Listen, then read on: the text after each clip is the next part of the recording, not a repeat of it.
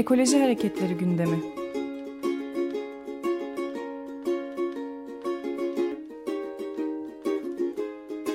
Çevre ve Ekoloji Hareketi avukatları tarafından hazırlanıyor.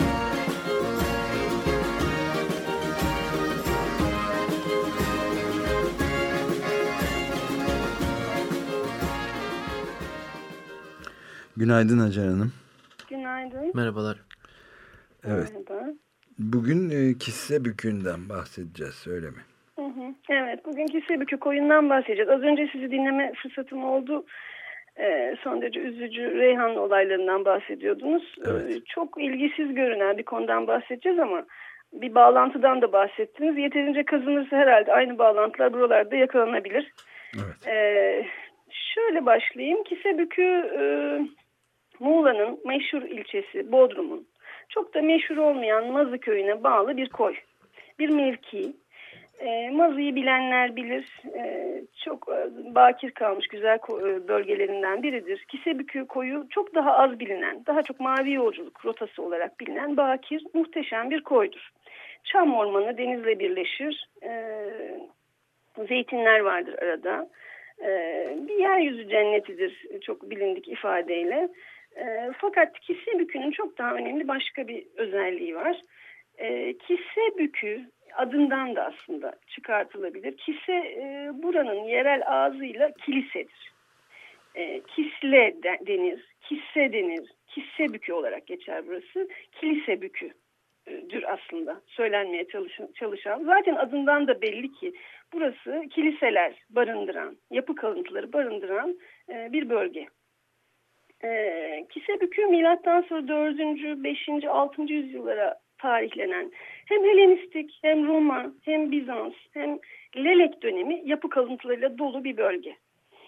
E, milattan sonra 4 ve 6. yüzyıllarda İmparator Anastasius zamanında kurulmuş olan Anastasiopolis ile ilişkilendiriliyor köy ve civarındaki yüksek tepelerle birlikte arkaik dönemden beri iskan edildiği çok belli. Ee, bu bölge 1986'dan beri çeşitli şekillerde vasıflandırmaya çalışılmış bizim Kültür ve Tabiat Varlıklarını Koruma Yüksek Kurulları tarafından. 86'da bir tespit yapılmış. Bir kısmına denmiş ki burası birinci derece arkeolojik sit. Bir başka tarafına denmiş ki ikinci derece. Bir başka tarafına denmiş ki üçüncü derece. Bu derecelendirme yapılırken de e, e, şey e, sadece dışsal bulgularla yapılmış. Yani bir araştırma yapılmış, e, uzmanlar gitmişler. Yapılmış olan bir araştırmanın arkasından verilen raporu daha sonra e, raporla çelişen bazı başka tespitler yapılmış. Nihayetinde bazı bölgeler birinci derece arkeolojik, arkeolojik sit olmaktan çıkartılmış, ikiye düşürülmüş, bir ara üçe düşürülmüş. Sonra buraya imar e, uygulaması yapılmak istenmiş ve başlanmış girişimlere. Bir çevre düzeni plan değişikliği yapılmış. E, projeler geliştirilmiş. İşte buranın şuralarına yol yaparız, şuralarına binaları kurarız, şurada da yapı kalıntılarını koruruz şeklinde. E, burada en son verilen o bu sürecin ortalarında bir yere denk geliyor ama verilen son raporlarından birinde uzmanlar Profesör Doktor Ender Vadinlioğlu Kisebükü ile ilgili şunu söylemiş. Çok kısa bir alıntı yapacağım. Hı hı. 2001 yılında bu rapor. Koyun arkasında yükselen dağlara doğru uzanan ovanın ortasında koya egemen tepelerde e, te, e, sağdan önce 5. yüzyıla giden duvarlar var. Tepeden deniz kıyısına değin antik çağla ilgili çok tutarda seramikler vardır. Tepenin yamaçlarında ve denize değin e, olan alanda koyun Bodrum yönünde ve Ören yönündeki bitiminde ve iki ucun arasındaki geniş alanda Bizans döneminden çok sayıda yapı ve kilise vardır. Bu kiliselerin birinde silik de olsa fresk kalıntıları ve yazıt vardır. Saptaması yapılıyor. Koyun korunması ile ilgili olarak bu alanın imara açılmasının sonradan giderilmesi olanaksız biçimde antik yapılara zarar vereceği kanaati belirtilmiştir deniyor. Evet yani 2500 evet. yıllık bir tarihi ve kültür en asgarisinden konuşursak e, tahrip etmekle eş anlama gelecek bir durum var yani. Tabii tabii 2001'de bu şey rapor veriliyor. E, Doçent Doktor Jean Thierry'e e, yine e, burayla ilgili başka bir araştırma projesinin içeriğinde demiş ki bu alandaki kalıntıların tehlikede olduğu, alanın arkeoloji ve turizm açısından önemi belirtiliyor. Bizans kentinin İmparator Anastasius döneminde 5. yüzyılın sonunda kurulduğu ve 7. yüzyılın sonuna terk edildiği vurgulanıyor. kentte görünür durumdaki kilise, vaftiz yeri, kaplıca, surlarla çevrili mahallesi, limanı ve birçok anıt mezardan bahsediliyor. Yani Helenistik Roma Bizans dönemlerine ait çok belirgin yapı izlerinin, kalıntıların olduğu bir e, yerden bahsediyoruz. Daha sonra bu raporlara rağmen burada yeniden bir derecelendirme yapılıyor. Ee, yeniden üçüncü derece arkeolojik sitler vesaire söz konusu oluyor. Ta ki bizim e, baro adına açılan e, bir davaya kadar baro e, burada e, imar e, girişimlerine esas kararları yani işte üçüncü derece e, sit alanı haline getirilmesiyle ilgili bazı kararları dava ediyor. E, bu davada yine e, epeyce tartışılıyor bu bölümün Kültür Bakanlığı'na yönelik olarak açılıyor bu dava. Anıtlar Yüksek Kurulu nezdinde Kültür Bakanlığı'na yönlendiriliyor. Bu davada çok ilginç gelişmeler oluyor. E, neler oluyor? E, öncelikle çok iyi bir rapor, güzel e, sorumlulukla bir rapor veriliyor. Bilirkişi raporu. E, Adnan Diler var e, bu raporda imza sahibi. E, bildiğimiz isimler, isimler az önce bahsettiğim Ender Varinlioğlu var, Can Teriye. Bunlar, dayanaklar bunlar, e, bu uzmanların görüşleri. Şöyle bir nokta koyuyorlar daha önceki tartışmalara. E, uzunca bir şey, ben çok kısa bir dönemini okuyacağım. Evet söz konusu 25.6.2002 tarihli uzmanlar raporunda 3. derece arkeolojik sit olarak tanımlanmakla birlikte yüzeyde rastlanan arkeolojik buluntuların dere yatağına kadar ulaştığı belirtilmektedir. Bilirkişi heyetimiz de yüzeyde arkeolojik buluntulara rastlamıştır. İşte resimlerle anlatılıyor, resimleri de var raporda. Ancak Bodrum Sualtı Arkeoloji Müzesi'nin burada yürüttüğü sondajlarda herhangi bir buluntunun ele geçirilmemesi şaşırtıcıdır.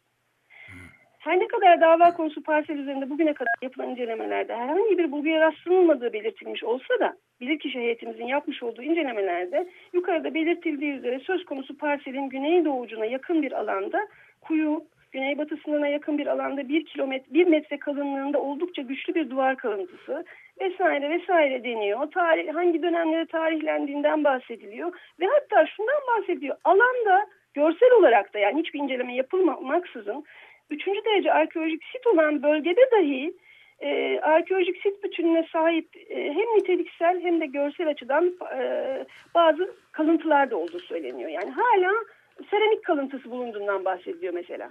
Evet, yani, yani özel bir sondaj araş, araştırma yapılmaksızın. Bitmek ee, üzere program da. E, program bitiyor. Finale geleceğiz. Bu bilirkişi raporuna dayalı olarak e, evet. yerel mahkeme diyor ki buradaki idare mahkemesi e, zorunlu olarak da bilirkişi böyle görüş belirttiği için e, burada iptal edilmesi gerekir bu e, girişimlerin. Fakat bu taraf tarafından, Kültür Bakanlığı tarafından temiziyle dosyanın Danıştay'a gidiyor. Danıştay da yeni oluşturduğu içtihat gereği şöyle diyor. E, Muğla Barosu, Muğla Barosu e, e, bir meslek örgütüdür. Mesleğiyle ilgili direkt aynen şöyle meşru, kişisel ve güncel bir menfaati yoktur diyor. Burayı hmm. dava etmekte. Hmm. Menfaat ilişkisi yoksa dava da açmış olamaz diyor. Dava açma hakkı da yok diyor. Ve davayı böyle bir tespitin arkasından düşünün. Yani esasında bu kadar haklı olan bir davanın ki bu sabit bu dosyada Muğla Barosu'nun yetkisi yoktur diye tekrar davayı yerel mahkemeye gönderiyor. Yerel mahkeme Muğla İdare Mahkemesi de diyor ki e, evet Muğla Barosu'nun yetkisi yoktur o yüzden davayı reddediyoruz. Evet, Biz bu davayı yeniden temiz ettik. Yeniden Danıştay'a gönderdik fakat e, çok da tabii üzücü bir dönem yaşıyoruz. Menfaat ilişkisi yönüyle tümüyle iştahatlar değişmiş vaziyette baroların açtığı davalar için e, sizin menfaat ilişkiniz yoktur. Sizin meslek örgütüsünüz, mesleğinizle ilgili konuları dava edebilirsiniz yaklaşımı devam ediyor. Haber aldığım kadarıyla Deniz Ticaret Odası mavi yolculuk rotası olduğu için buraya müdahil olmaya çalışıyor şu dönemde e, kanun yol aşamasında. Ee, bakalım, bakalım göreceğiz. Ne olacak. Çok ama bir, parlak değil durumumuz evet, ama. Bir kopukluk var yani. Evet aynen.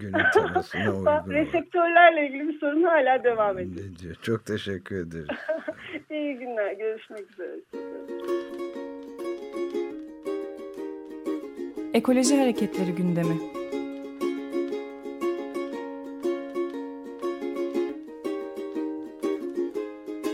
Çevre ve Ekoloji Hareketi avukatları tarafından hazırlanıyor.